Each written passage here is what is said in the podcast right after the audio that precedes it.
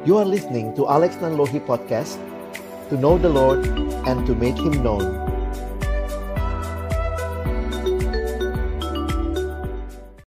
Senang boleh ketemu lagi.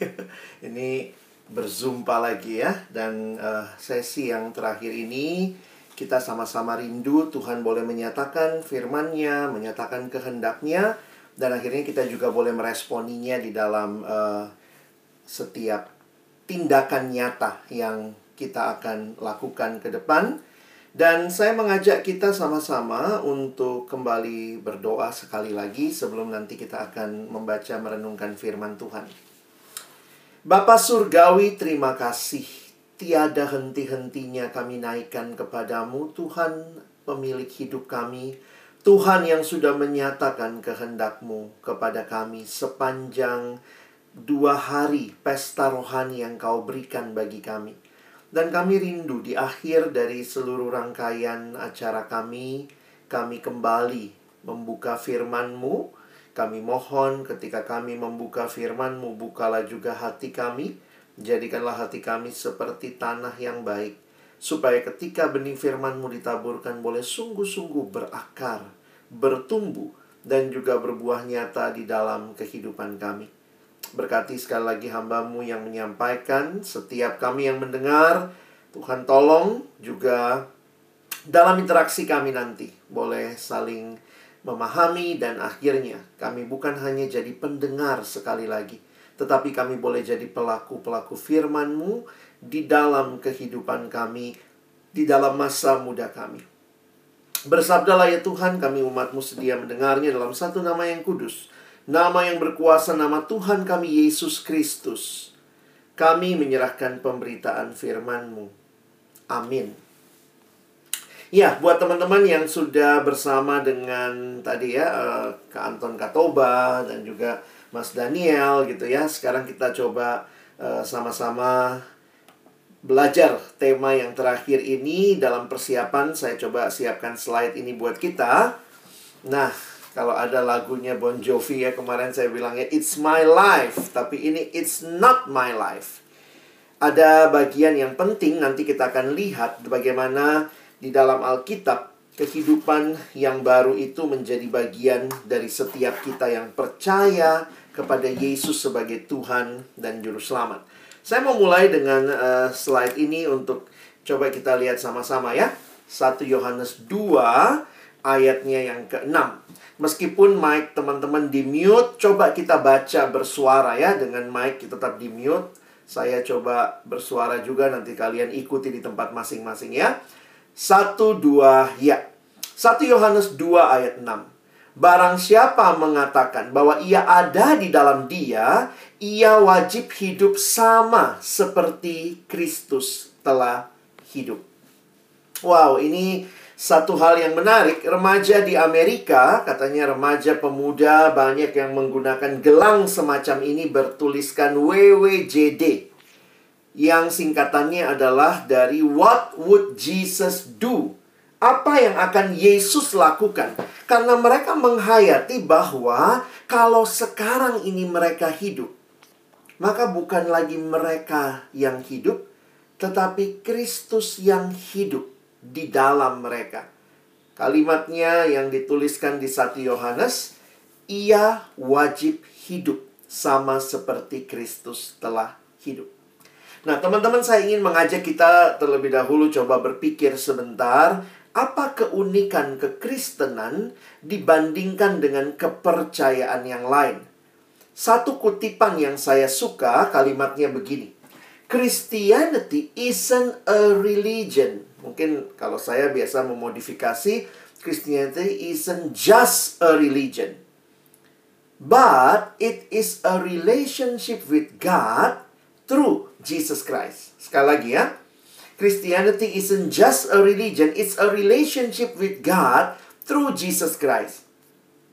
Kekristenan bukan sekadar agama. Agama itu ada apa? Ada ritualnya, Agama itu ada ajarannya, agama itu ada tata ibadahnya, ada hal-hal yang mungkin dilakukan. Tetapi kekristenan adalah relasi dengan Allah melalui Yesus Kristus. Teman-teman, tidak ada kepercayaan di dunia ini yang mungkin kalau kita bandingkan dengan kekristenan, kita bukan hanya diminta mengikuti ajaran Kristen. Ingat ya, kita nggak disuruh minta hanya ikut ajaran Kristen, hanya ikut ritualnya Kristen, hanya datang ke gereja, hanya melakukan semua aktivitas. Tetapi inti daripada kekristenan adalah relasimu dan relasiku dengan Allah di dalam Kristus Yesus. Jadi, kalau kepercayaan lain hanya mengatakan, "Terimalah ajaran kami, ini ajaran yang harus dilakukan." Kekristenan bicara terimalah Yesusnya. Bukan cuma ajarannya, tetapi pribadi Yesus yang adalah Tuhan dan Juru Selamat satu-satunya. Karena itulah, kalau kita melihat di sini, saya pikir sangat berbeda. Kekristenan bukan hanya bicara ajaran-ajaran, tentu ada ajaran betul, tetapi kekristenan bicara pribadi Kristus.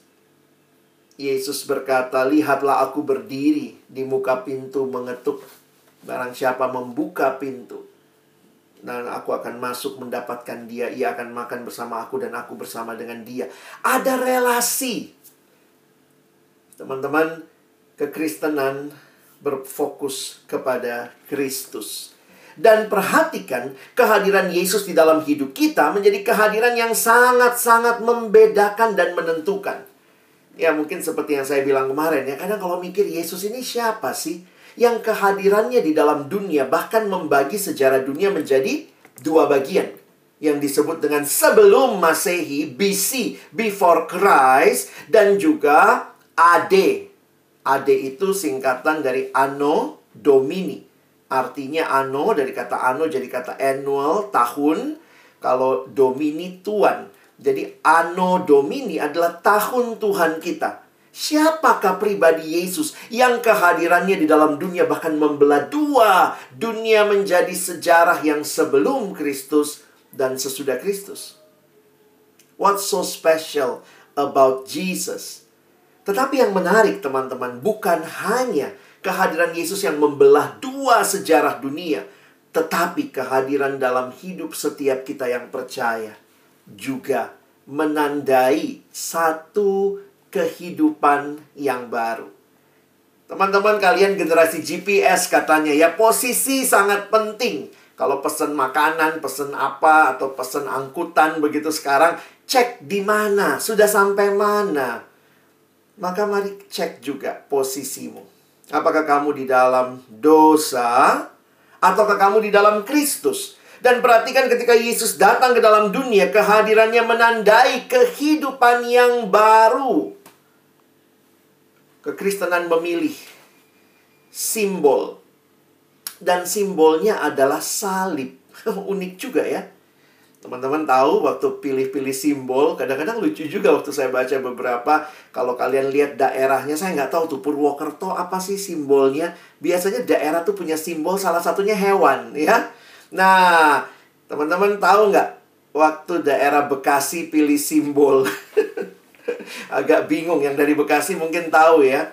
Itu waktu pilih-pilih hewan-hewan kan rata-rata yang bagus-bagus biasanya hewannya. Kalau nggak salah Bekasi itu lele. Lambang kotanya lele ya. Ada kumisnya gitu ya. Nah, saya sih membayangkan ya bener ya Bekasi lele ya. Nah, kalau Jakarta kan itu ya. Kalau pernah naik Transjakarta bisa lihat tuh di samping Transjakarta ada elang ya. Ada Garuda, Jangan salah ya, karena orang begitu lihat lambang Jakarta pikirnya kacang Garuda. bukan. Elangnya itu megang salak. Itu salak pondok ya. Jadi bukan kayak kacang Garuda. Nanti kalau googling, ih gitu ya. Oh, Merauke rusa. Wah. Kalau pilih simbol, mbok ya pilih yang bagusan gitu loh. Waktu pilih simbol kekristenan, kenapa? Para para bapak gereja mereka memilih gitu ya kira-kira pada abad kelima sebenarnya lambang salib yang akhirnya dipilih menjadi lambang kekristenan. Menarik sekali. Tuhan Yesus itu kan apa ya kenapa pilihnya salib gitu? Kenapa nggak nggak apa palungan? Bagus juga kan kalau lambang Kristen palungan di atas gereja kita ada palungan. Terus kalungmu apa? Oh palungan bukan salib ya lebih berat gramnya gitu ya Tapi yang menarik memang uh, salib punya makna yang dalam. Salib itu pada masa Yesus bahkan itu alat hukuman mati. Bayangkan nggak? Itu alat hukuman mati dipakai jadi simbol. Ini agama apa ini? Bayangkan kalau kamu jadi orang abad pertama, waktu itu kan hukuman matinya simbol. Kalau kita zaman sekarang, salib itu kayaknya indah sekali. Bisa jadi kalung, bisa jadi anting, bisa jadi aksesoris. Tapi masa itu, salib itu adalah tanda kekejian. Itu simbol hukuman mati. Sekarang apa simbol hukuman mati? Tembak gitu ya, tembak kali ya, pistol ya. Bayangkan kamu pakai kalung pistol, pistol gitu kalungmu ya ih nggak nggak pas banget gitu. Orang nanya apa itu? Untuk bunuh orang. Wih salib itu buat apa? Untuk bunuh orang. Itu lambang hukuman mati. Tali gantungan. Oh gitu ya tali gantungan. Terus orang nanya apa itu? Untuk bunuh orang. Kursi listrik. Wih kayak di film-film ya. Apa kalungmu? Kursi listrik. Untuk untuk apa? Untuk bunuh orang. Agama apa yang simbolnya justru adalah alat hukuman mati? Yaitu salib kurang lebih 200 tahun sebelum Tuhan Yesus lahir. Bangsa Romawi mengambil satu pola hukuman, yaitu hukuman penyalipan dari tradisi bangsa Sumeria. Dan itulah yang dipakai oleh orang-orang Romawi untuk mempermalukan. Jadi salib bukan hanya menghukum mati, tetapi bahkan sebelumnya akan mempermalukan orang yang disalib itu. Dalam tradisinya, maka orang yang akan disalib harus memikul salibnya sendiri menuju tiang penyalipan. Waktu saya belajar tentang penyalipan, teman-teman, wow, dia harus melewati rute yang paling jauh memikul salib. Jadi bukannya, oh itu tiang salib nih, ah ya udahlah potong kompas, nggak bisa. Orang yang disalib harus memikul salibnya dalam rute yang terjauh dengan tujuan supaya dia jadi tontonan dan jadi pelajaran bagi orang-orang yang melihat. Kalau kamu lakukan kejahatan yang sama, kayak begitu nih, maka dia akan memikul salibnya menjadi tontonan dan pelajaran bagi orang banyak sebelum sampai ke tiang penyalipan. Dan kekristenan berbicara tentang satu salib, yaitu salib Yesus. Teman-teman jangan pikir cuma Yesus yang disalib ya. Itu hukuman yang umum di Romawi pada waktu itu. Tetapi dari begitu banyak salib, mengapa salib yang satu ini sungguh berbeda? Karena di salib itu tergantung Kristus yang dipakukan. Dia mati, disalibkan. Namun dia bangkit memberi kemenangan bagi kita. Saudara yang dikasihi Tuhan, kekristenan berbicara tentang Yesus. Yesus yang disalib. Dan itulah karya yang terbesar yang kita terima. Kenapa? Karena sebelumnya, ketika engkau dan saya hidup di dalam dosa, hidup yang berakhir pada maut, maka kita melihat salib sebenarnya satu-satunya jalan keselamatan karena pribadi yang tergantung di sana Sang Kristus. Dia Allah yang menjadi manusia, dia sanggup memikul dosa kita. Tapi yang menarik, salib ini juga memberikan tujuan yang baru bagi kehidupan kita, ya. Kalau kita bisa bicara sore hari ini, it's not my life. Lalu ini hidup siapa dong gitu ya? It's not my life. Bagaimana? Bagaimana mengerti akan hal ini? Nah, saya mau coba jelaskan dari beberapa ayat ya. Nah, sekali lagi, uh, saya pilih murid-murid Yesus lah ya. Ada Paulus, ya, walaupun Paulus nggak ketemu langsung dengan Yesus, dalam arti melihat secara fisik nampaknya, tapi dia menerima penglihatan. Jadi kita lihat apa yang Paulus katakan, nanti lihat juga apa yang Petrus katakan, ini murid Yesus yang dekat. Nah, nanti kita ulang lagi ayat tadi ya. Lihat apa yang Yohanes katakan. Nah, ini murid-murid Yesus. Kita lihat bagaimana perkehadiran Yesus. Bagaimana salib Yesus menolong mereka melihat hidup mereka sekarang. Oke? Okay? Saya harap teman-teman bisa ikutin ya. Bagaimana salib Yesus menolong mereka bisa melihat hidup mereka sekarang sampai mereka tuh bisa ngomong, "It's not my life." Kok bisa? Oke, kita belajar dulu dari Paulus ya. Yuk, kita lihat. Ayat yang terkenal, Galatia pasal 2 ayat 19 sampai 20. Perhatikan, saya baca ya. Sebab aku telah mati oleh hukum Taurat untuk hukum Taurat, supaya aku hidup untuk Allah. Aku telah disalibkan dengan Kristus. Wah, Paulus bahkan punya penghayatan. Dia merasakan bahwa dia di dalam, ya ini tentu dalam kerohanian ya. Secara rohani. Paulus berkata, aku telah disalibkan dengan Kristus. Wow, hebat banget ya. Orang kalau disalib, bakal apa? Coba, kalau Paulus ngomong aku telah disalibkan dengan Kristus, ya Paulus mati dong. Tapi ayat 20 dia mengatakan, namun aku hidup. Loh kok bisa? Tetapi bukan lagi aku sendiri yang hidup, melainkan Kristus yang hidup di dalam aku. Perhatikan cara dia melihat hidupnya. Bahwa Kristus yang mati di kayu salib. Sebenarnya harusnya Paulus dan semua kita yang berdosa yang mati di salib. Ini kan cara pandang ya. Harusnya aku yang mati di salib, tapi Kristus yang mati di salib. Kristus yang harusnya hidup malah mati. Aku yang harusnya mati malah hidup. Kalau begitu, sekarang hidup yang aku miliki ini punya siapa? Punya Yesus yang mati. Paulus melihat ada great exchange, ada pertukaran besar. Di salib itu ada pertukaran besar. Harusnya Paulus mati. Tetapi sekarang kok Paulus hidup? Harusnya Yesus hidup. Tetapi dia mati menggantikan kita. Karena itu Paulus bisa menghayati kalau sekarang aku hidup, ini bukan hidupku, ini hidup Yesus. Jadi dia membayangkan seperti Yesus sedang meminjamkan hidupnya kepada Paulus. Bayangkan percakapan imajiner kalau kamu dan saya di samping salib itu. Waktu kita lihat Yesus disalib, Yesus yang hampir mati ya. Nah, mungkin kita membayangkannya begitu terus Yesus bilang gini, "Saya bakal mati ganti kamu." Oh Tuhan, Tuhan yang bakal mati ganti saya ya. Sekarang Yesus bilang, "Nah, sekarang kamu hidup ya, gantiin aku." Karena kan yang aku ini yang harusnya hidup malah aku yang mati. Kamu yang harusnya mati malah kamu yang hidup. Ingat, hidupmu itu itu milikku ya. Sekarang gantikan aku ya hidup ya. Wow. It's not my life. It's Jesus in me. Dan hidupku yang kuhidupi sekarang di dalam daging adalah hidup oleh iman dalam anak Allah yang telah mengasihi dan menyerahkan dirinya untuk aku. Teman-teman, di salib itu terjadi great exchange. Dan ini Paulus hayati. Jadi kalau teman-teman lihat, kok Paulus tuh luar biasa ya kak hidupnya. Ya luar biasa karena dia ngerti ini. Dia ngerti sekarang gak main-main lagi. It's not my life. Kalau saya hidup yang saya harus senangkan, siapa yang sebenarnya punya hidup ini? Tuhan. It's not my life. It's Jesus in me. Nah, bisa paham ya? Wah ini menarik sekali. Saya mempelajari seperti ini. Saya sadar Tuhan terima kasih ya. Saya nggak sekadar mandang hidup tuh biasa-biasa lagi.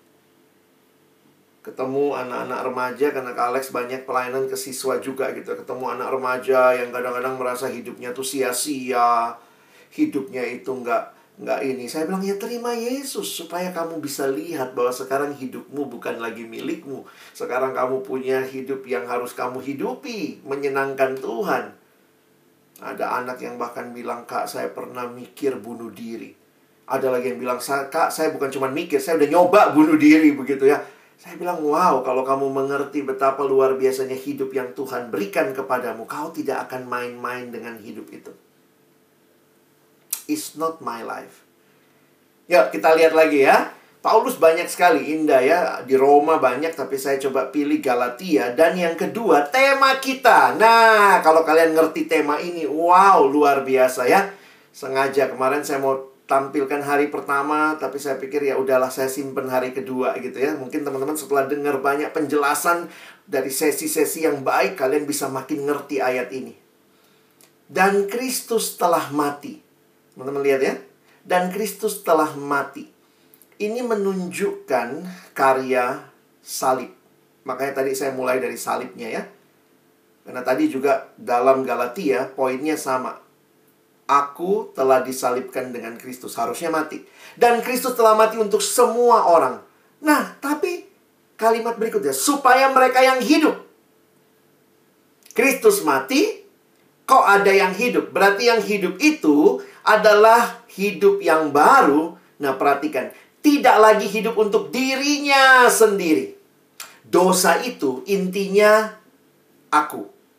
Aku, aku, aku. Orang yang hidup dalam dosa itu titiriri, teman-teman. Mati-matian untuk diri sendiri.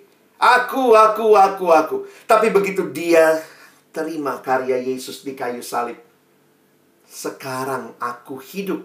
Tapi tidak lagi hidup untuk diriku sendiri. Tapi untuk dia Perspektif hidup sekarang bukan sekadar hidup supaya apa yang aku mau, tapi untuk Dia. Bukan ceritaku lagi, tapi ceritamu, Tuhan. Sekarang aku harus tanya, Tuhan, apa yang Kau mau? Bukan sekadar apa yang aku mau. Bukan lagi hidup untuk diri sendiri, tapi untuk Dia yang telah mati dan telah dibangkitkan untuk mereka. Ingat loh, untuk engkau dan saya hidup, Yesus mati dan bangkit bagi kita. Sekali lagi, this is the great exchange, pertukaran yang besar. Nah, kita lihat kalimat Petrus ya. Kalau Petrus punya penghayatannya menarik juga. Dia katakan begini. 1 Petrus 1 ayat 18-19. Sebab kamu tahu bahwa kamu telah ditebus dari cara hidupmu yang sia-sia yang kamu warisi dari nenek moyangmu itu bukan dengan barang yang fana, bukan pula dengan perak atau emas, melainkan dengan darah yang mahal, yaitu darah Kristus yang sama seperti darah anak domba yang tak bercacat dan tak bernoda dan tak bercacat. Dia melihat juga bagaimana berharganya kematian Kristus, darah Kristus sungguh amat berharga. Sehingga kalau teman-teman perhatikan, apa yang menjadi respon Petrus kemudian? Kalau kita membaca lebih lanjut lagi, saya ajak kita lihat satu ayat lagi dari Petrus. Ini lihat kalimat Petrus ya. Oh sorry, slide saya hilang ya. Sebentar. Nah, coba kita lihat sama-sama slide ini. Oke. Okay. Di pasal yang kedua, 1 Petrus 2 ayat 24, Petrus berkata begini. Iya, Yesus telah memikul sendiri. Iya, Yesus atau Yesus sendiri telah memikul dosa kita di dalam tubuhnya di kayu salib. Ingat sekali lagi, salib titik utamanya. Karya salib supaya kita yang telah mati terhadap dosa selalu dikasih ingat kita tuh udah mati Yesus udah mati buat kamu. Sekarang kita hidup untuk kebenaran. Kristus mati agar kita hidup untuk kebenaran. Bukan lagi hidup menikmati dosa. Bukankah itu sudah ditanggung oleh Kristus sudah dia selesaikan? Bukan lagi seperti itu saudaraku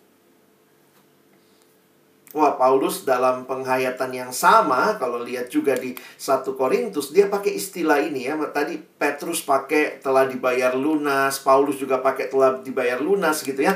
Perhatikan 1 Korintus 6 ayat 20. Sebab kamu telah dibeli dan harganya telah lunas dibayar, karena itu muliakan Allah dengan tubuhmu. Perhatikan, ketika engkau yang harusnya mati, hidup, itu bukan hidupmu. It's not your life It's not my life, it's Jesus life in me. Karena itu saya harus hidup untuk kebenaran. Saya harus hidup memuliakan Allah. Saya bukan hidup bagi diri sendiri, saya hidup bagi Dia yang sudah mati bagi saya. Harganya lunas dibayar.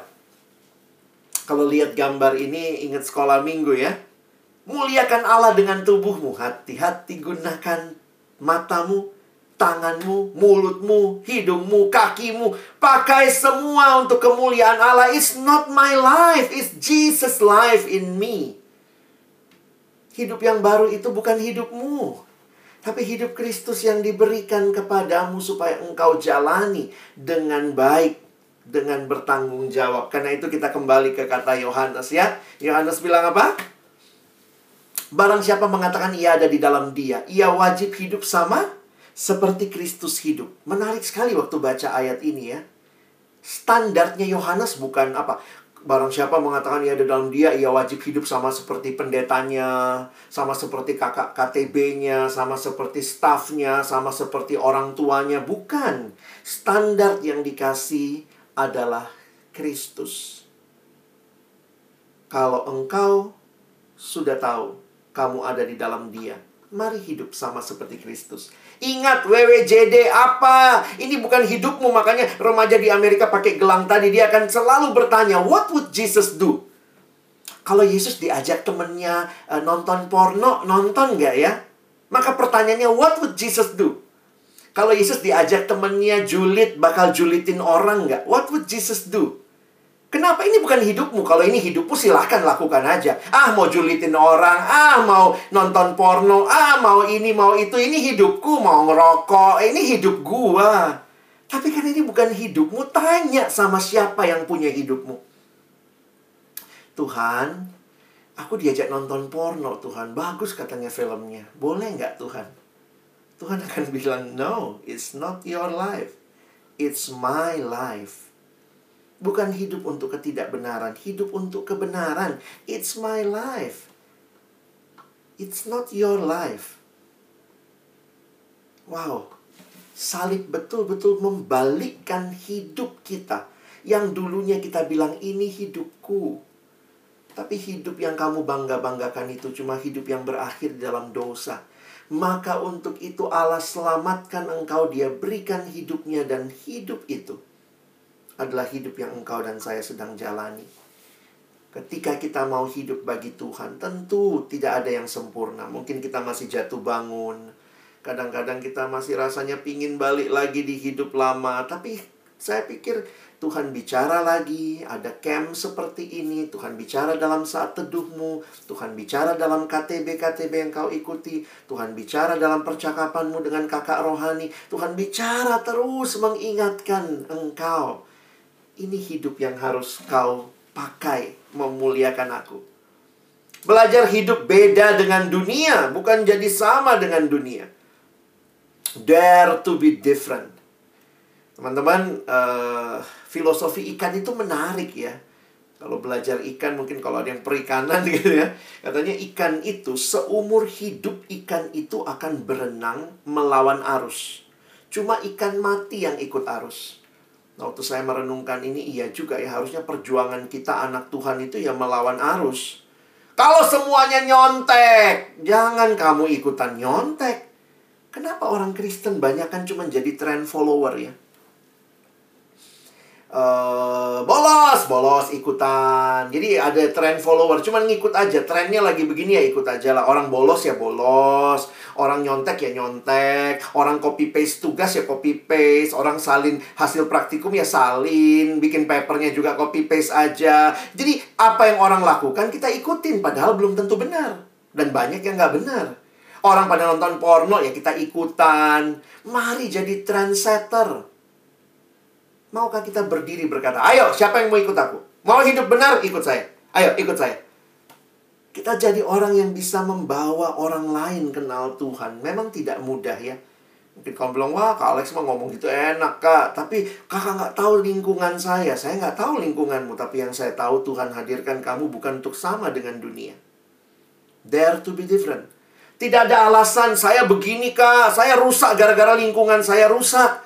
Lingkungan memang mungkin menjadi pengaruh besar, tapi pilihannya bukan di lingkungan, di kamu.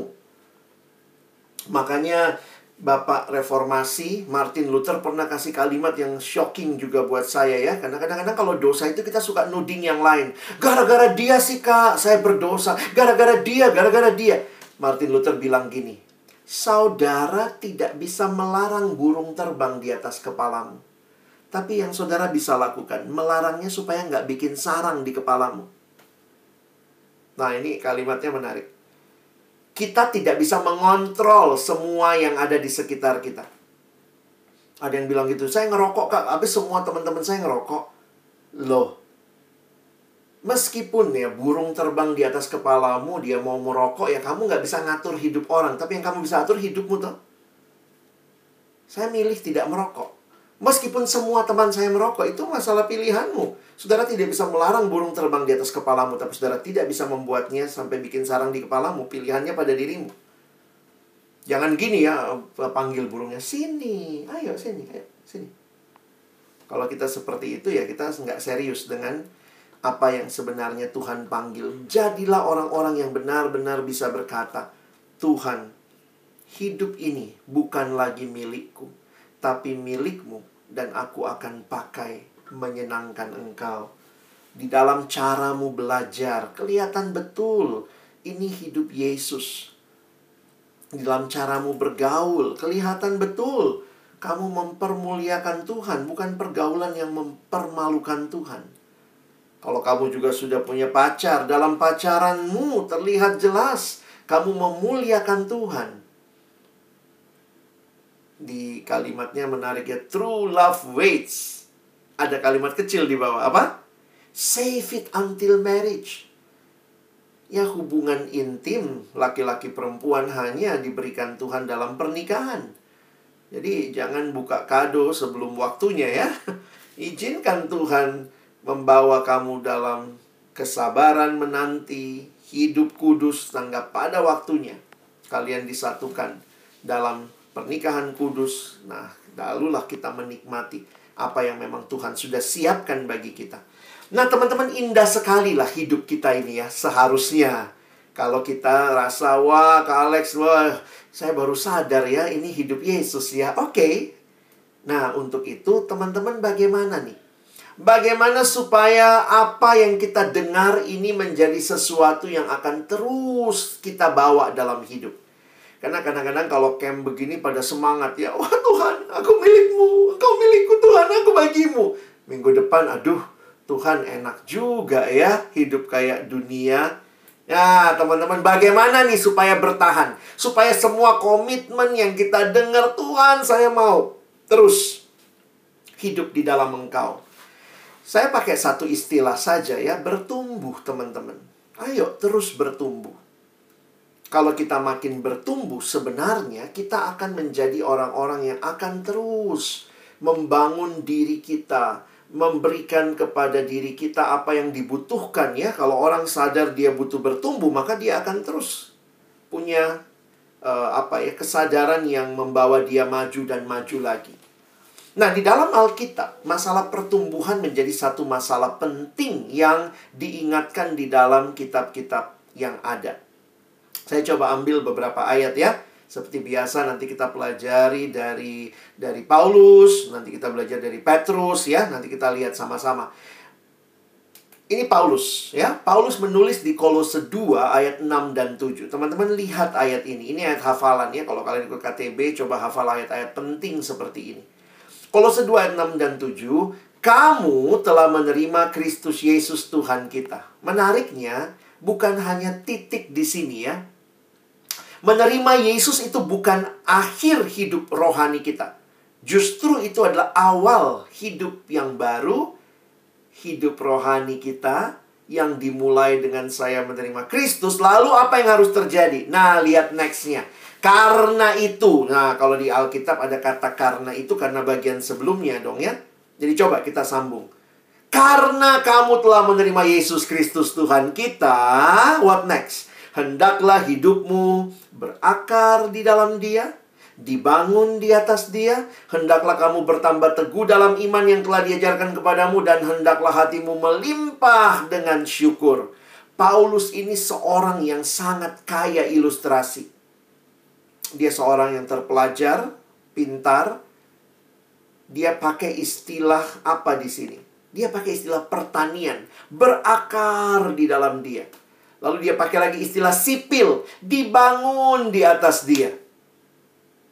Jadi Paulus mau menggambarkan, makanya saya pakai kesimpulannya, ini apa sih berakar, ber bertumbuh, dibangun, bertambah teguh. Udahlah, istilah kita bertum, bertumbuh. Ayo teman-teman yang sudah terima Yesus, kita bertumbuh. Jadi murid sungguh-sungguh. Kalau ada kesempatan ikut KTB, nikmati itu. Saya orang yang sangat bersyukur. Sejak SMA, saya soalnya dilayani dari siswa ya. Jadi saya dilayani dari siswa, saya ikut kelompok kecil dari sejak SMA kelas 1. Dan itu keluarga kedua yang Tuhan berikan ya, selain keluarga jasmani, orang tua, kakak beradik, tapi saya bersyukur Tuhan berikan keluarga rohani yang menemani saya dalam pertumbuhan. Kekristenan kita butuh bukan hanya terima Yesus, tetapi kita butuh untuk hidup jadi murid Kristus.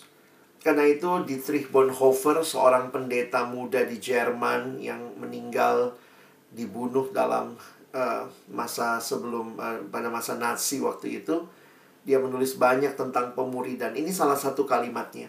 Christianity without discipleship is always Christianity without Christ.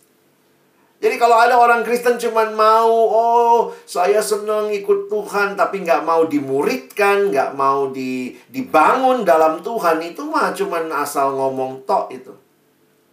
Apa artinya Christian? Wah kalau bahasa Inggris Christian. Bisakah jadi Christian without Christ? Gak bisa. Coba Christian without Christ. Coba hapus Christ-nya. Christian without Christ tinggal Ian. Ian. Apa itu? Ian. I am nothing. Kristen yang tanpa Kristus. Nggak ada apa-apanya itu entek gitu ya. Nggak ada. Tetapi kita yang mau ikut Tuhan. Discipleship is not an option. Ini kalimat Timothy Keller. Jesus says that if anyone would come after me, he must follow me. Ayo teman-teman bertumbuh dalam Kristus. Nikmati pertumbuhan itu. Kenapa? Waktu saya mempelajari, nah sekarang kita lihat Petrus ya. Petrus tuh nulis dua surat, teman-teman ya. Nah, di dua surat ini ternyata menarik sekali. Kalau kalian lihat surat 1 Petrus, itu nanti lihat judulnya. Nanti 1 Petrus 2 ke bawah, 1 Petrus 3, 4. Banyak sekali judulnya penderitaan. Ada masalah apa? Ada masalah penderitaan. Nanti di 2 Petrus, 2 Petrus agak sedikit berbeda, suratnya cuma tiga pasal. Lalu lihat, salah satu masalah di 2 Petrus adalah masalah pengajaran.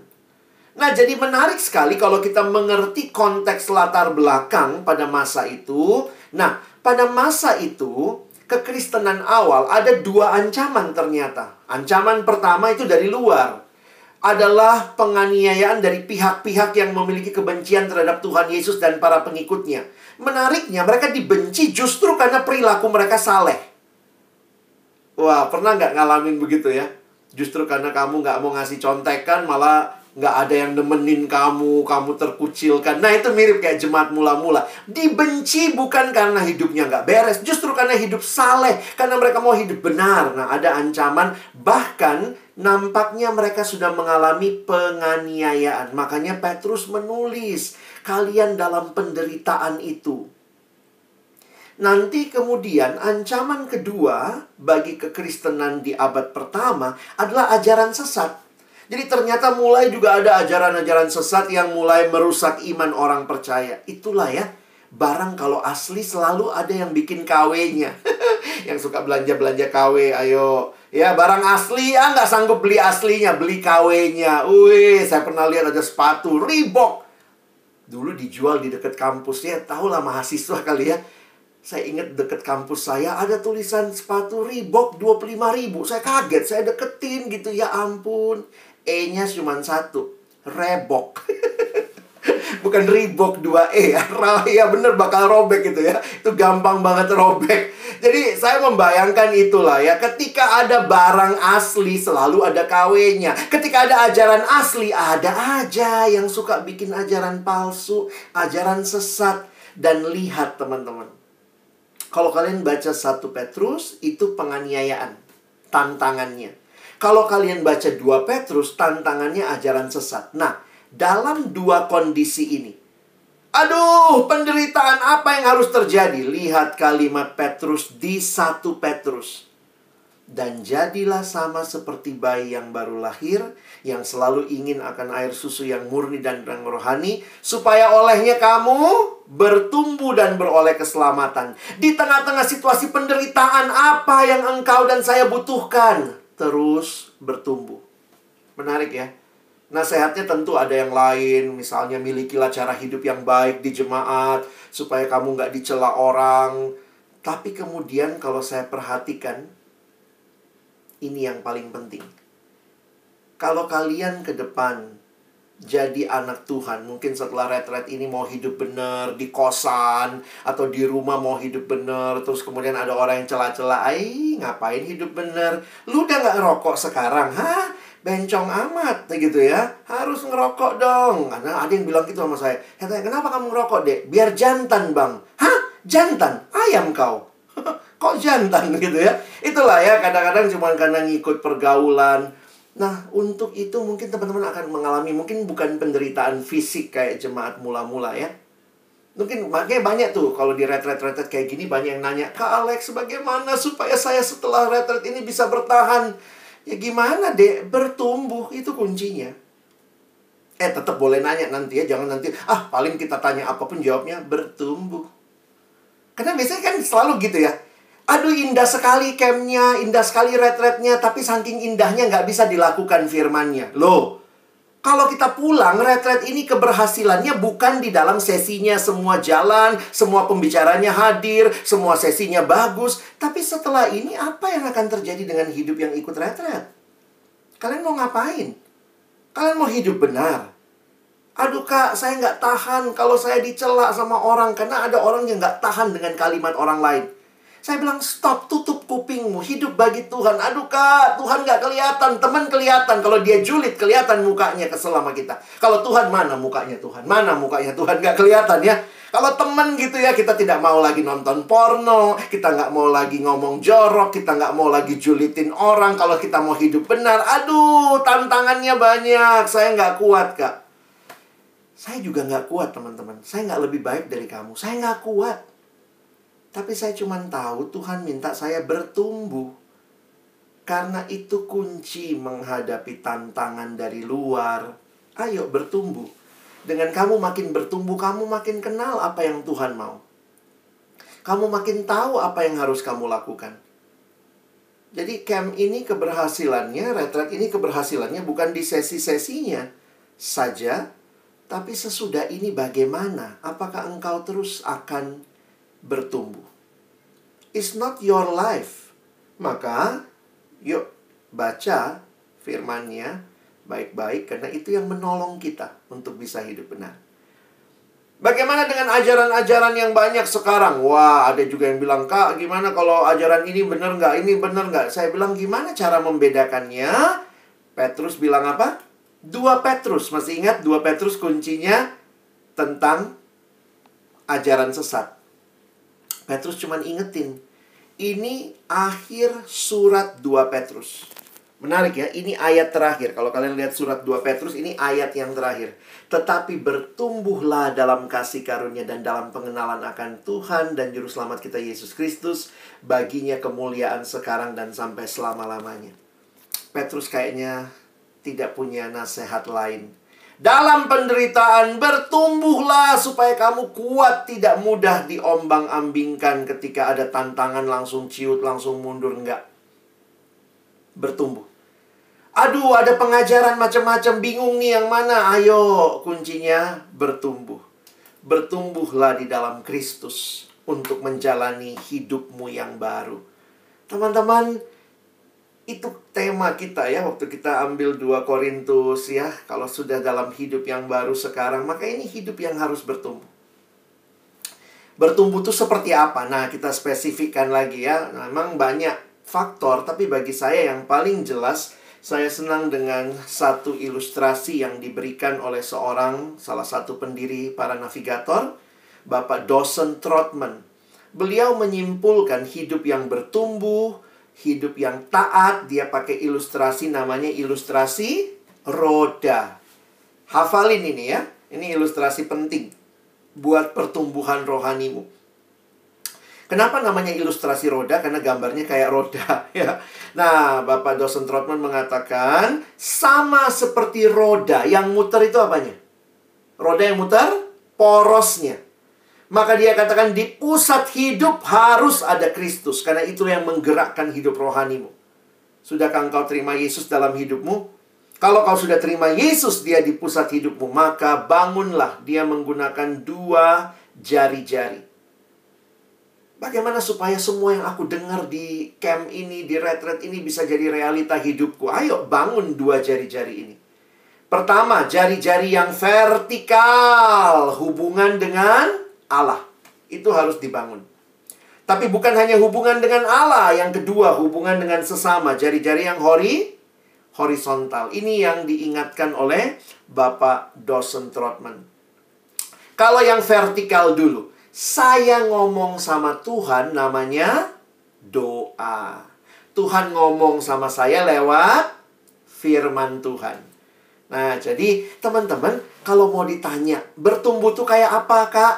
Maka pulang selesai ini, ayo rajin-rajin baca firman Tuhan, rajin-rajin berdoa. Dan itu bukan hal baru toh. Pada sekolah minggu enggak? Dari sekolah minggu kita udah belajar bagaimana bertumbuh adik-adik. Baca kitab suci, doa tiap hari kalau mau tumbuh. Tapi jangan-jangan sekarang coba evaluasi hidupmu. Nggak usah pakai ayat-ayat deh, evaluasi dari lagu itu saja. Baca kitab suci. Pernah sih kak, tapi nggak. Masalah kita kan gitu. Baca kitab suci, doa. Masalahnya di mana? Tiap hari Baca kitab suci, doa tiap hari kalau mau tumbuh. Jangan-jangan lagumu sekarang beda. Tidak baca kitab suci, tidak doa tiap hari, tidak bertumbuh.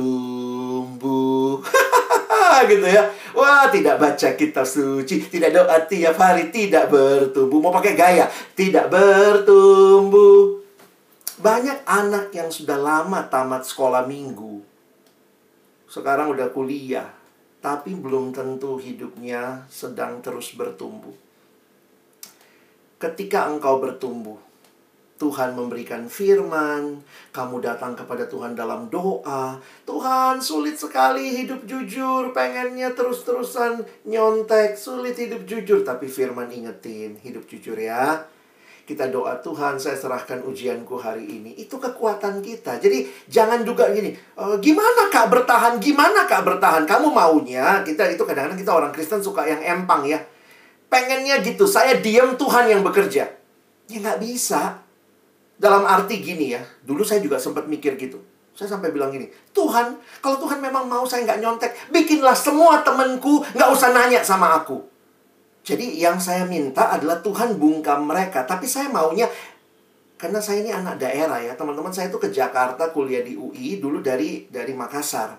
Di Makassar, saya datang kuliah itu kan rasanya kalau nggak punya teman itu gimana gitu ya. Jadi saya takut banget gitu. Dan saya ketua kelas waktu itu. Nah, ketua kelas tuh saya anak daerah pengennya baik sama teman semua. Jadi di ujian, nah di ujian itu saya sering ditaruh di tengah. Jadi teman-teman singkat ceritanya gini ya, saya tuh masuk kuliahnya sempat jalur undangan masa itu ya, namanya PMDK. Jadi uh, saya daftar, uh, dapat PMDK jadi nggak pakai tes. Nah di kampus saya kalau orang yang masuk PMDK nomor mahasiswanya kelihatan. Wah itu dibikin begitu juga bikin kami pusing itu ya. Jadi nomor mahasiswa saya di belakangnya ada angka tujuhnya. Nah kalau ada angka tujuhnya itu pasti mahasiswa PMDK. Jadi teman-teman saya satu kelas itu taunya saya pinter, taunya begitu, padahal nggak juga ya. Karena ya saya waktu daftar juga saya nggak nggak terlalu ngerti gitu ya. Saya dulu anak uh, ilmu ilmu fisika, masuknya jadi ilmu sosial begitu ya. Jadi waktu saya masuk pun saya nggak banyak ngerti ilmu sosial, tapi sudah terkadung dianggap pinter anak daerah datang ke kota besar, takut nggak punya teman, jadi ketua kelas, lalu kemudian saya jadi baiklah sama anak-anak. Kalau ujian, saya ditaruh di tengah. Mereka bilang, Alex sini. Anak PMDK duduk tengah. Nanti kalau ujian saya bagi-bagiin jawaban sama mereka ya. Jadi dulu saya ditaruh di tengah. Mereka bilang, inget ya, PMP, PMP. Ya, apa tuh? Posisi menentukan prestasi. Jadi saya ditaruh di tengah, teman-teman. Waduh, waktu itu bingung gitu ya. Mau bilang tidak, rasanya kok Kristen banget. Kita suka gitu ya, takut dibilang Kristen banget, takut dibilang agak fanatik. Jadi waktu itu mau bilang saya nggak mau nyontek tuh rasanya, hmm, nggak keluar. Saya, hmm, gitu ya. Jadi ujian saya tetap di tengah. Terus saya mulai ikut kelompok KTB. Saya ikut KTB waktu itu. Ya. Di KTB udah belajar. Nggak boleh nyontek. Aduh kak, gimana ini? Nanti saya nggak punya teman. Saya takut banget. Saya takut banget. Jadi waktu itu saya mulai pakai taktik. Taktiknya apa? Saya datangnya telat kalau ujian.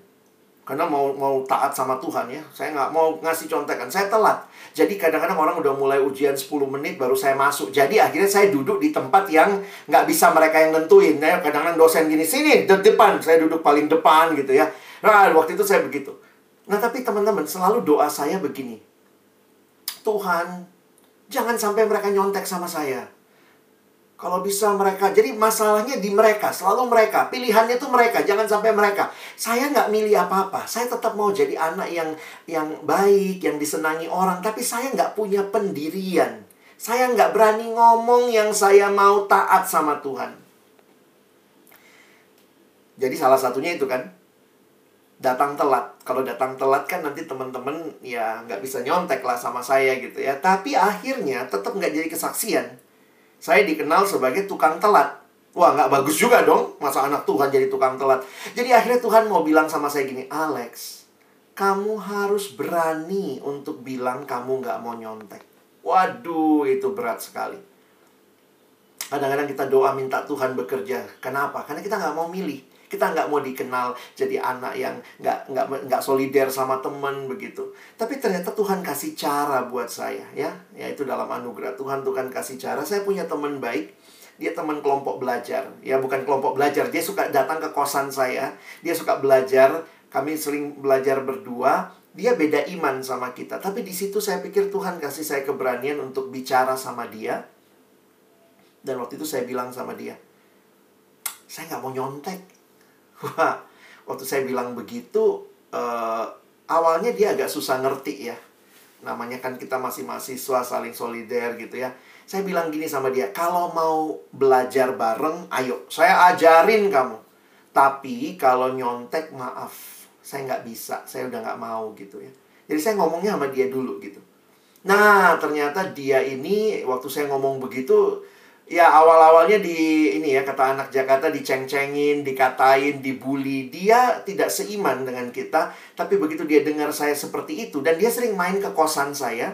Dan waktu itu saya sudah mulai saat teduh. Jadi kadang ada Alkitab sama buku saat teduh di meja. Berapa kali kalau dia datang, apaan nih Lex? Aduh, dilihat-lihat gitu ya.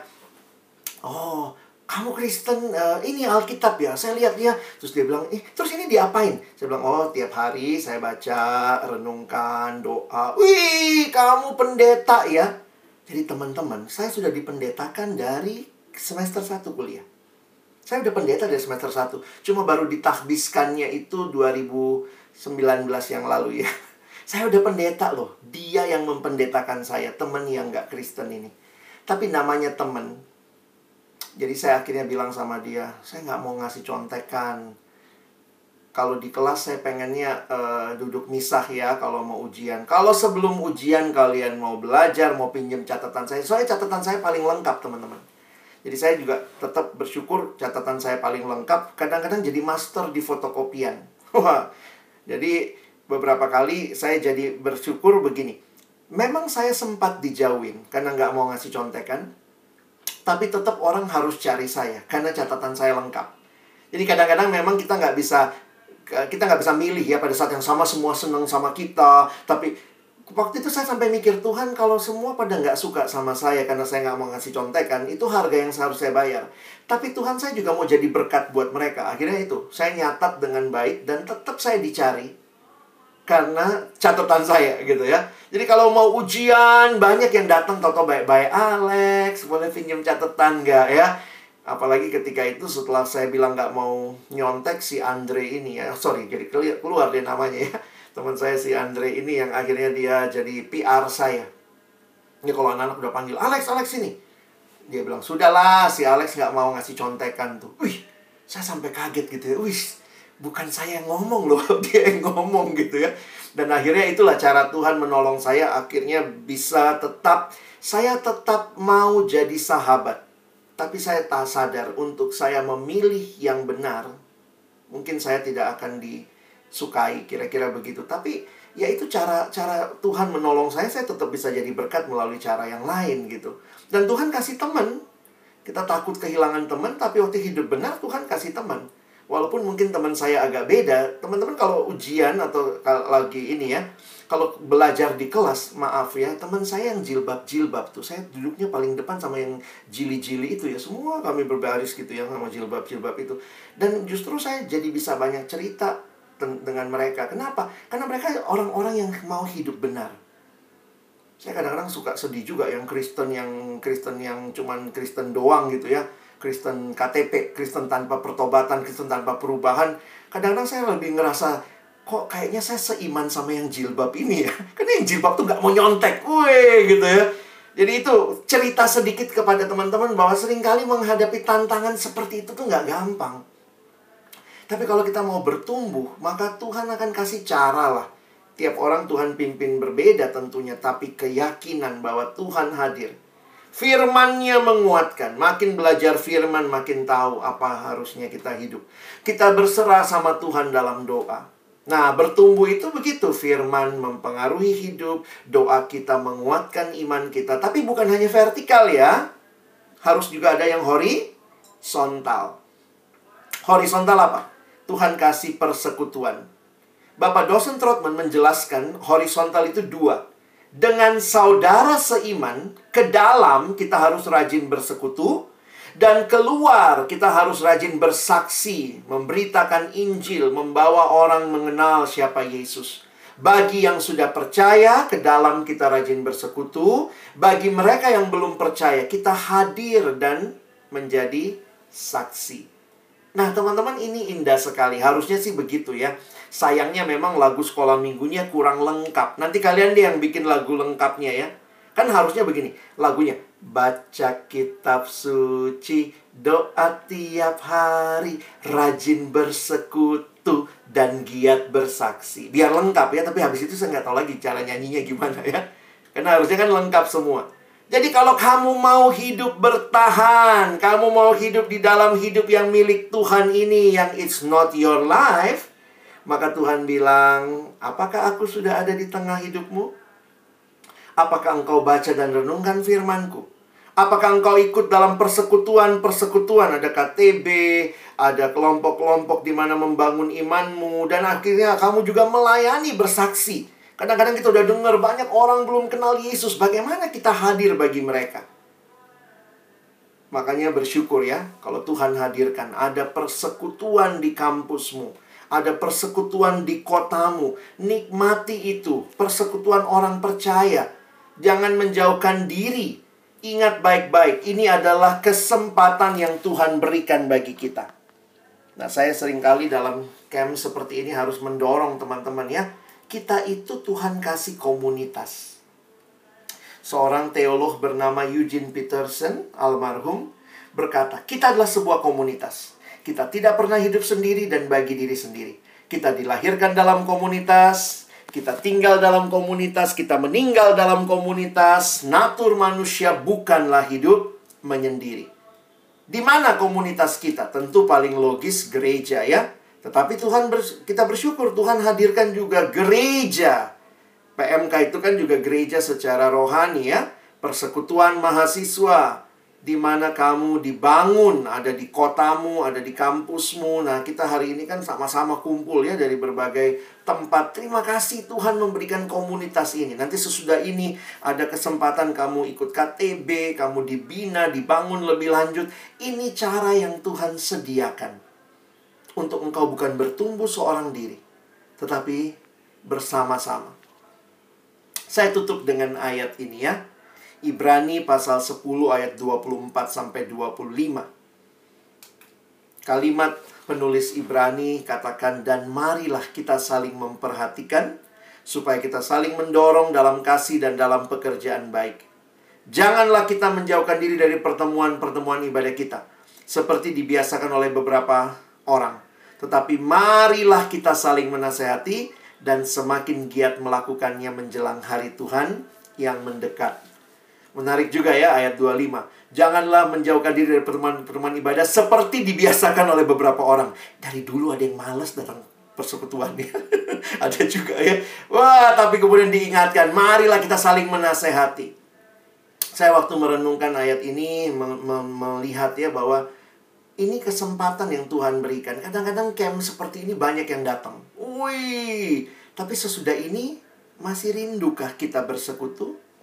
Nanti kalau ada undangan lagi, eh ada kebaktian, eh ada KTB, ayo kumpul lagi, disegarkan lagi dalam Tuhan. Masihkah kita rindu, Tuhan aku mau bertumbuh. Sama-sama di dalam persekutuan ini, Tuhan hadirkan kita untuk saling membangun, saling menumbuhkan. Nah, kiranya hari ini kita belajarnya cuma singkat sebenarnya ya. Apa yang kita pelajari? Hidupmu bukan milikmu, ini milik Allah yang dia berikan kepada kamu. It's Jesus life. Bagaimana supaya hidup ini kau jalani dengan baik? Ayo terus bertumbuh. Secara sederhana, tempatkan Kristus di pusat hidupmu. Baca kitab suci, berdoa, miliki relasi vertikal dengan Tuhan, tapi juga miliki relasi yang horizontal. Hargai persekutuan yang Tuhan berikan, dan ketika Tuhan kasih kesempatan kamu melayani, membagi hidupmu jadi saksi bagi orang lain, kamu alami hidup yang utuh, ya. Nah, kiranya Tuhan menolong kita melalui retret online dua hari ini, teman-teman tidak hanya jadi orang yang senang dengar firman, banyak catatannya, tapi hidupmu harus membuktikan bahwa yang kau catat itu bukan cuma catatan belaka, tapi benar-benar sebuah realita yang Tuhan tolong engkau jalani ke depan. Tuhan menolong kita untuk boleh jadi pelaku-pelaku firman-Nya. Amin. Terima kasih Kak Alex. Berarti uh, hari ini tuh uh, mengajarkan bahwa salib itu benar-benar membalikan hidup kita. Nah, berarti ya hidup yang kita jalani saat ini tuh sebenarnya bukan untuk diri kita sendiri, tapi untuk mempermuliakan Allah. Nah, supaya kita uh, hidup untuk mempermuliakan Allah yaitu dengan cara bertumbuh di dalam Kristus. Benar seperti itu ya, Kak? Ya. Uh, selanjutnya uh, saya akan membuka uh, sesi tanya jawab. Jadi buat teman-teman yang mau tanya uh, bisa langsung di ruang chat ya atau juga bisa langsung ke page saya Selamat sore. Ya, nih teman-teman kalau pada diam-diam aja ya. Aku mengawali deh. Ya, kan ya. pertanyaan kali apa gitu ya. Ya, uh, paling ini kak mau nanya, hmm, karena kan mungkin tadi ada uh, tantangannya tersendiri juga ya mentaati Tuhan dan menghidupi kebenaran seperti kayak uh, tadi ke Anton cerita pengalaman ke Anton bahwa ya ada diceng-cengin temen karena tadi eh, nggak uh, mau kasih contekan seperti itu. Nah mungkin teman-teman lain juga uh, apa ya punya ketakutan-ketakutan hal yang sama uh, bahwa akan tidak apa yang namanya seperti ya itu jadi hal yang tidak menyenangkan kan untuk dialamin kira-kira bagaimana supaya masing-masing kita nih hmm, lebih yakin dan terdorong gitu kak untuk ya udah nggak apa-apa mungkin itu memang harga yang harus dibayar gitu untuk tetap hmm, hmm. berani membayar gitu.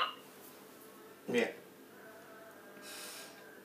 ini pertanyaannya kalau buat Anton saya nggak jawab dong ya. oh iya maaf oh.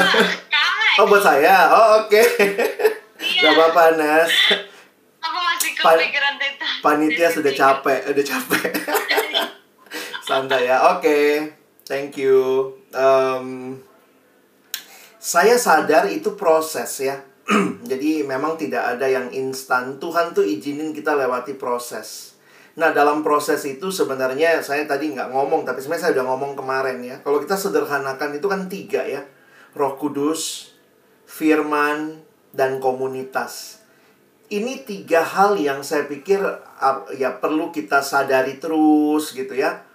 Dan um, kayak kalau saya bersyukur sih ya Tuhan kasih komunitas. Bagi saya itu yang sangat menguatkan lah.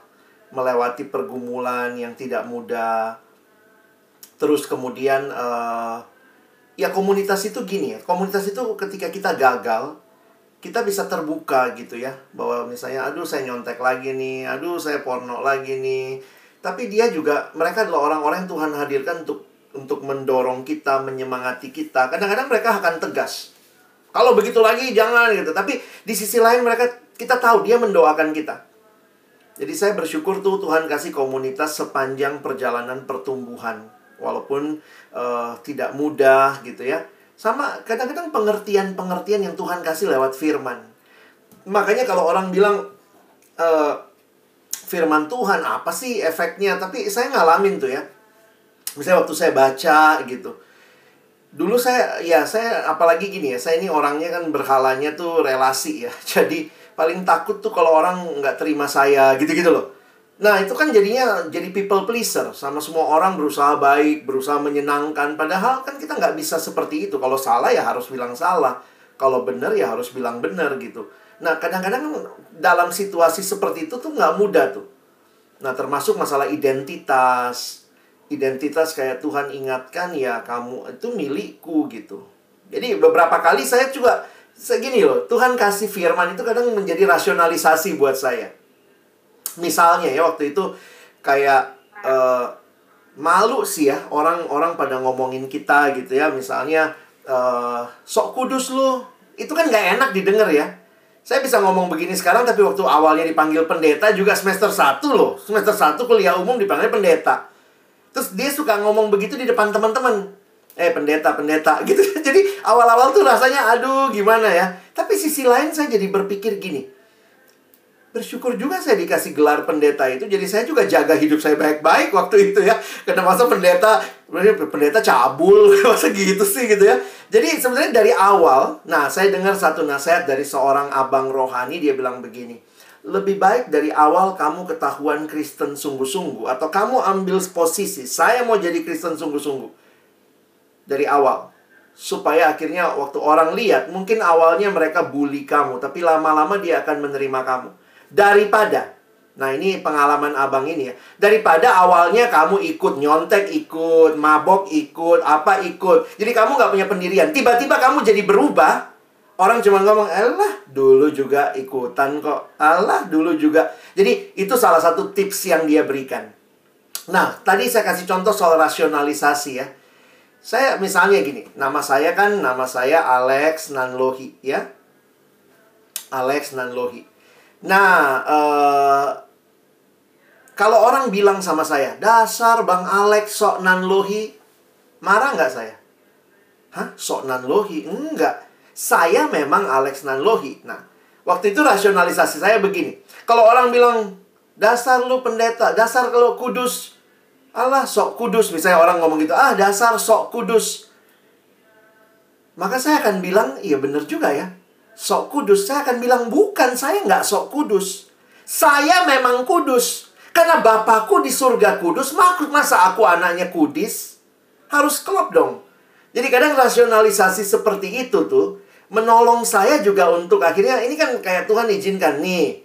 Kamu bukan sok kudus. Kamu memang kudus. Kamu bukan sok nanlohi. Kamu memang nanlohi. Hidupi itu. Nah, jadi saya bersyukur tuh kadang firman kita refleksikan, kita renungkan. Itu jadi satu cara Tuhan menghibur kita, menguatkan kita. Tapi memang prosesnya panjang sih ya. Tapi ya mungkin dari pengalaman yang saya cerita, saya cuma ingin ingatkan teman-teman bahwa jangan menyerah. Ini proses jalani aja. Kalau jatuh gimana bang?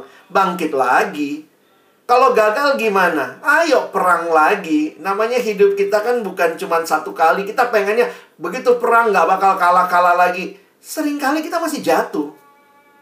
Tapi waktu kita jatuh, kita tahu nih, kita mesti datang sama Tuhan, kita bangkit lagi, kita berikan hidup kita lagi sama Tuhan. Mungkin gitu kali ya. Itu pengalaman saya sih.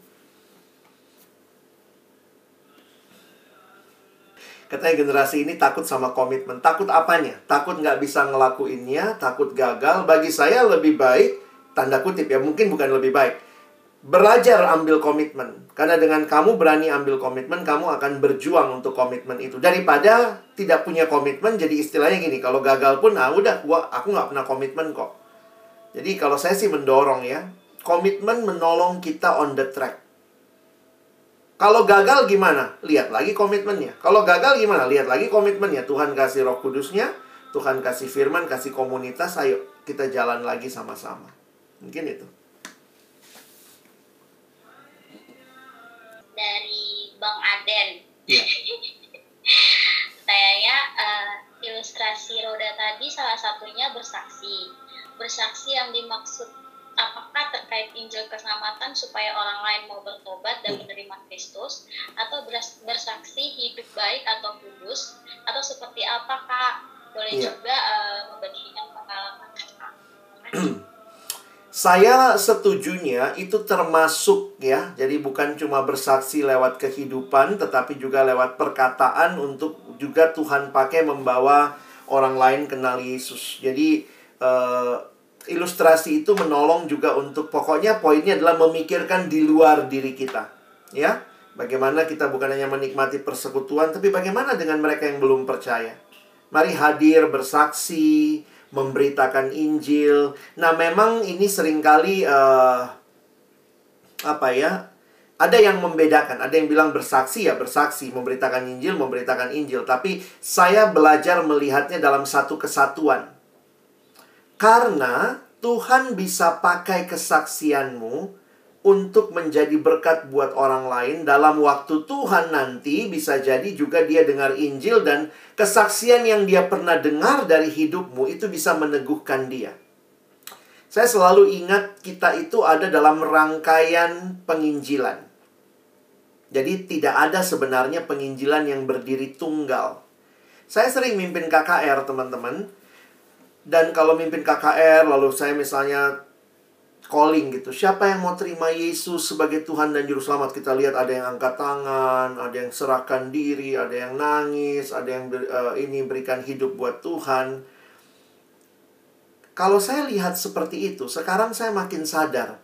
Saya hanyalah rangkaian dari proses penginjilan yang panjang, proses kesaksian yang panjang yang mungkin dialami orang itu.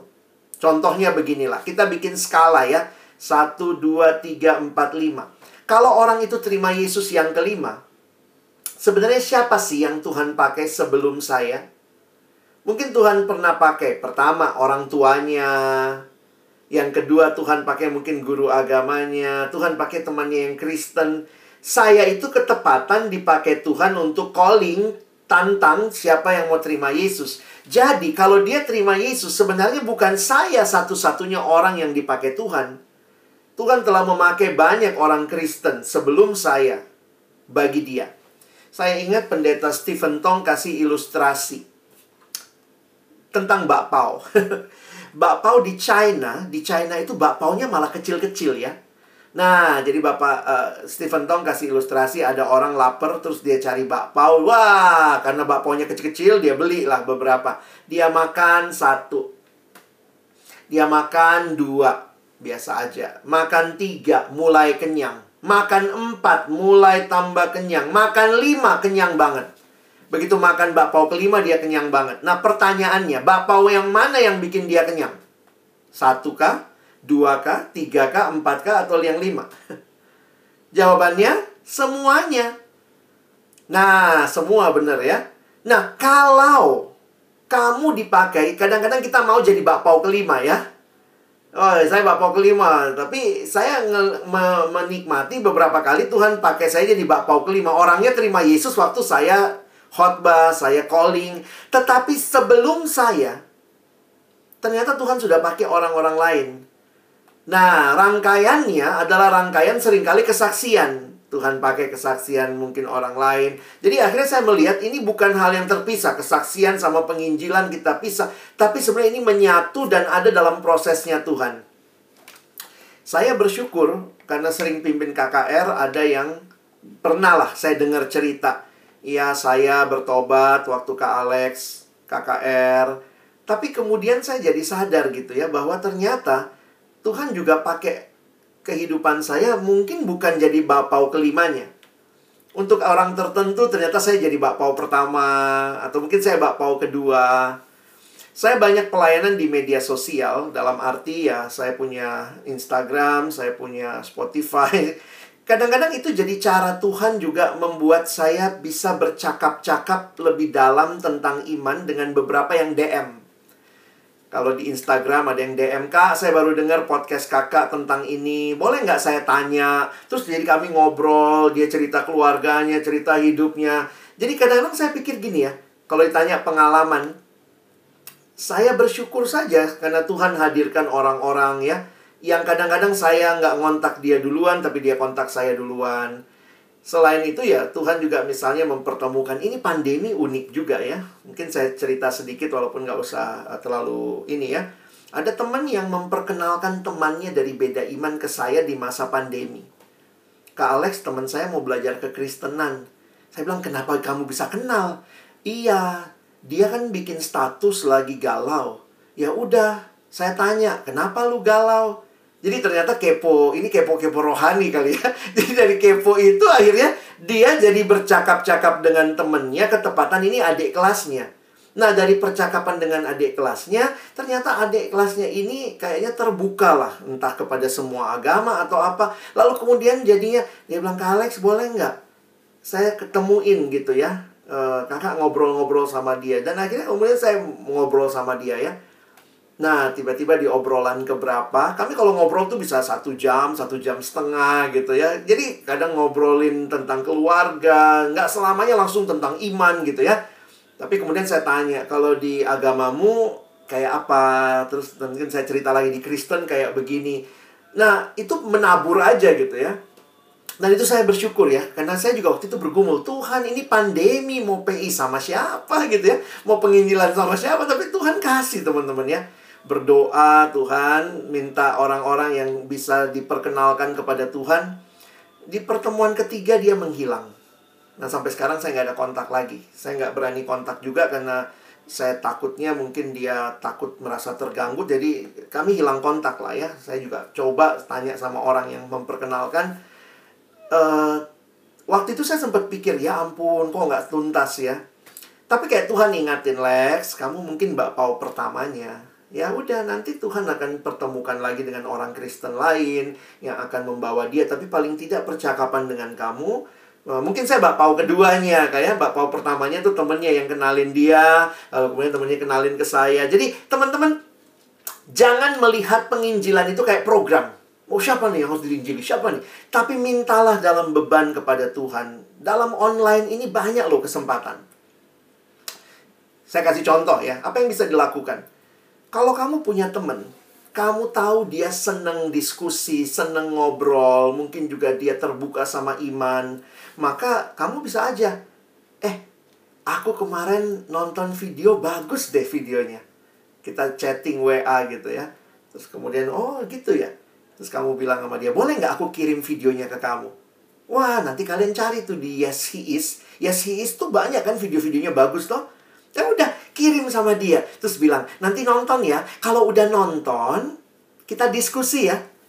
Itu kan jadi kesempatan gitu. Ih, videomu Kristen banget itu. Ih, tapi jangan jangan lihat Kristennya dulu. Kamu ngalamin nggak kayak di video itu? Teman-teman banyak loh kesempatan. Kalian generasi teknologi. Lihat reelsnya orang bagus misalnya. Dia ngomong apa. Kirim sama temenmu. Eh, aku nonton reels bagus. Mau lihat nggak? Aku sharing ya Jangan cuma nikmati semua itu untuk dirimu, ya. Nah, ini kesempatan-kesempatan bersaksi, melayani, jangan mati gaya. Generasi ini jangan mati gaya waktu online. Kamu punya begitu banyak resource, ya. Kamu punya begitu banyak koneksi. Kira-kira begitu. Kalau baru bertobat bisa bersaksi bisa.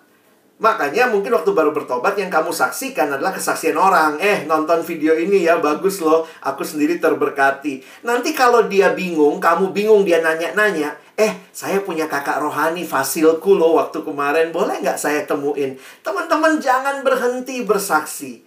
Bersaksi itu seperti memperkenalkan orang kepada Kristus. Atau kepada orang yang mencintai Kristus. Jadi teman-teman yang baru bertobat juga bisa bersaksi. Ya, sama-sama. Uh, dari uh, salah tapi dari messenger gitu.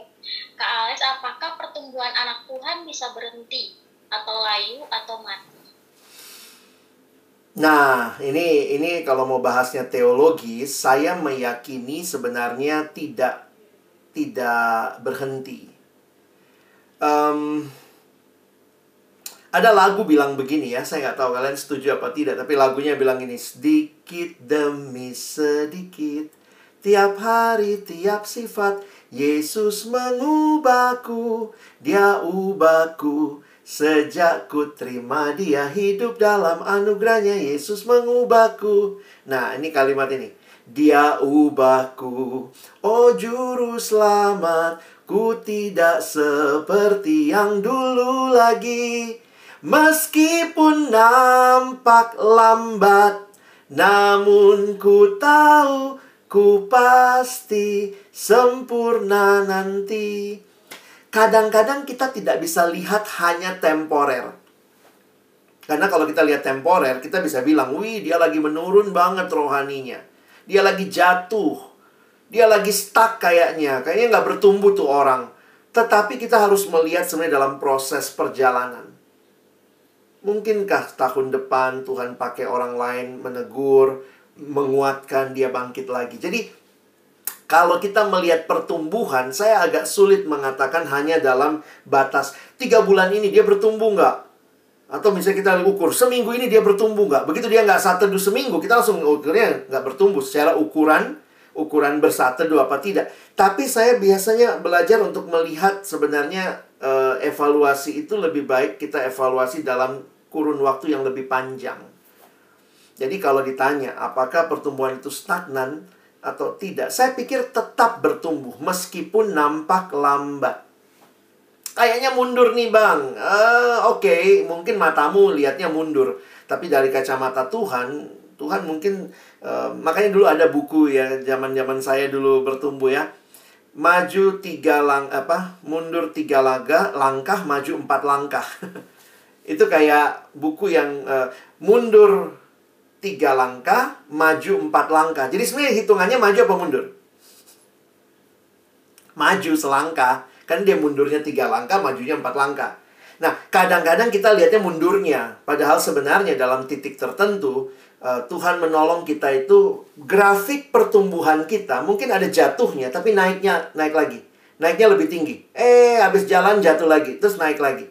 Nah, sebenarnya kita mesti lihat hasil akhirnya di dalam anugerah Tuhan Tuhan memberikan pertumbuhan secara terus-menerus. Mungkin itu?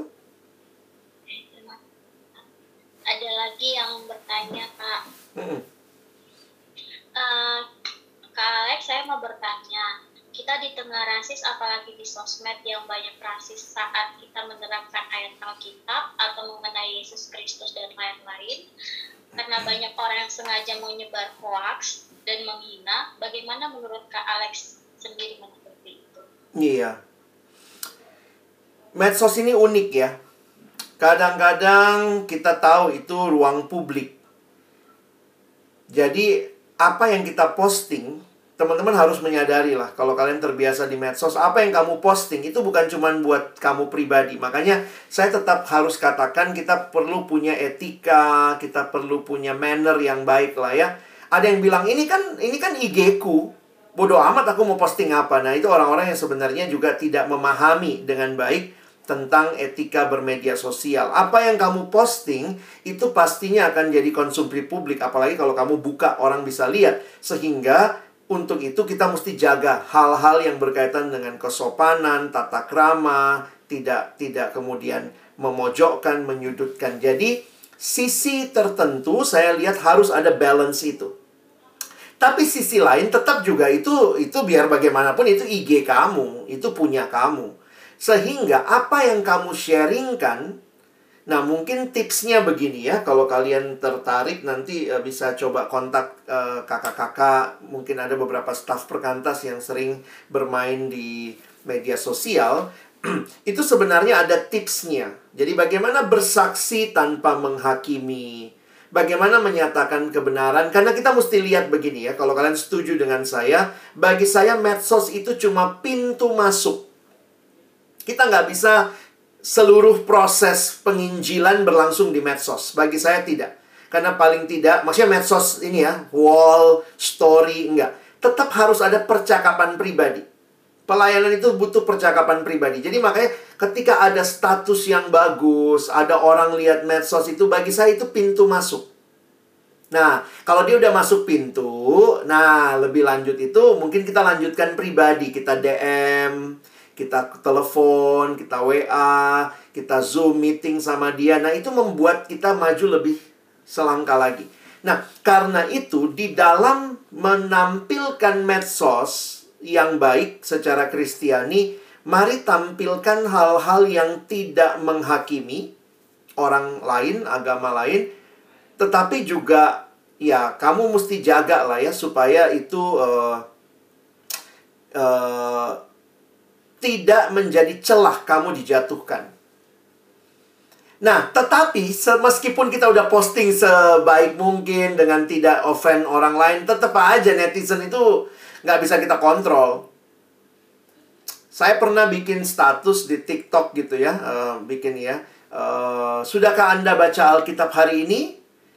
Kalau sudah, Tuhan kasih berkat apa? Itu di komen ya banyak banget tuh yang komen ya. Komennya gini, ih gile, gue agama lain, gue ngapain baca Alkitab gitu ya. Tapi poin saya adalah, sebenarnya kan saya nggak bilang, kamu harus baca Alkitab. Karena Alkitab adalah satu-satunya kitab yang benar. Saya cuma nanya, sudahkah Anda baca Alkitab?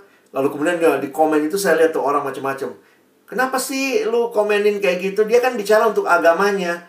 Terus dia bilang, enggak lah, ini untuk semua orang lah. Kenapa? Karena nanti kan di medsos. Ya saya biarin aja. Dalam arti, ya percakapan seperti itu saya tidak sedang offend orang gitu ya. Saya hanya tanya, sudahkah Anda baca Alkitab hari ini? Kalau sudah, sharing yuk, dapat apa misalnya gitu. Nah, poin saya adalah, kalau sudah di medsos, teman-teman jaga aja ketulusan hati, posting dengan tidak menghakimi, tapi responnya teman-teman harus ya belajar menahan diri ya. Netizen julid itu banyak gitu ya. Netizen itu kita nggak bisa ngikutin semua mau mereka ya. Sejauh saya lihat saya nggak di ban sama TikTok misalnya saya nggak di ban sama IG berarti kan apa yang saya posting tidak masuk dalam karena kalau saya saya offend agama lain orang banyak yang report pasti. Begitu di report pasti kita ke ban nah ini kan enggak karena saya nggak sedang offend agama lain gitu ya. Nah tapi itu uh, tips-tipsnya kalau nanti mau bisa belajar dari teman-teman yang yang banyak di medsos ya.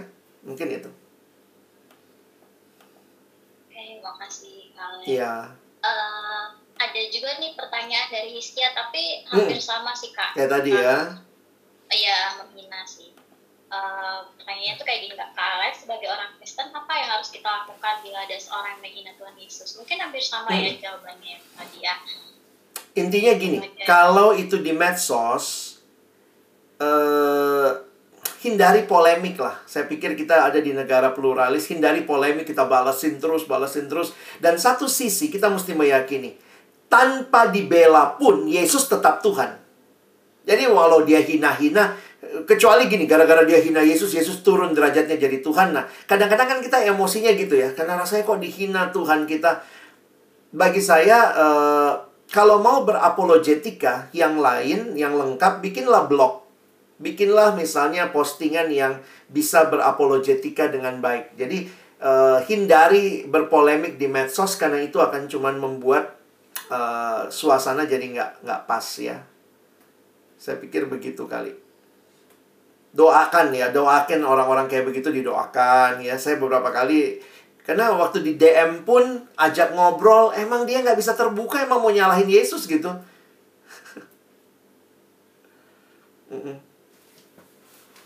Baik, makasih kak. Uh, ya. Ada lagi satu pertanyaan nih, kayaknya agak lucu sih kak. oh, iya, ya? Dari Immanuel, katanya uh -uh. uh, Kak Alex, bagaimana kalau ada teman kita yang ngajarin syahadat? Padahal kita sendiri belum tahu itu syahadat masuk hmm. agama lain. Itu syarat masuk agama lain. Iya uh, sekarang udah tahu kan? Jadi nggak usah diikutin gitu ya. Um, dan maksudnya gini. Saya agak ya memang ini setiap kepercayaan ya punya uh, punya haknya masing-masing. Jadi misalnya kepercayaan tertentu mengatakan mengucapkan itu langsung jadi agama lain. Kalau kita kan nggak begitu juga ya. Ini bukan masalah mengucapkan tentu mengucapkan itu bisa jadi seperti pintu masuknya, tetapi iman kita kepada Kristus itu berakar di dalam hati yang percaya Dia sebagai Tuhan dan Juru Selamat. Jadi jangan merasa, Kak, saya udah pernah ngucapin syahadat gara-gara saya nggak tahu sih, Kak. Berarti saya sudah agama lain sekarang. Enggak, enggak gitu. Enggak. Kamu tetap anak Tuhan yang harusnya ya udah hal itu bukan hal yang harus diikuti. Sekarang kamu hidup di dalam Tuhan kamu ikuti perintah Tuhan ya, ajaran Tuhan dan pastikan kamu benar-benar sudah terima Yesus dalam hidupmu. Jadi ini yang saya bilang tadi beda sama agama lainnya kekristenan itu bicara saya dan Yesus berpunya relasi nggak? Kalau agama lain kan cuma ngucap begitu langsung jadi pindah agama. Wow hebat banget gitu. Beda ya. Oke nggak usah nggak usah kita perpanjang ya. Ini nggak ini direkam soalnya. Jadi jangan berpolemik. Atau ya ya nanti kayak makan babi. Iya masa ya jangan begitu ya. Oke terima kasih kak. Uh, ada lagi teman-teman yang mau bertanya? Apabila tidak ada pertanyaan lagi maka kita tutup ya ruang tanya jawabnya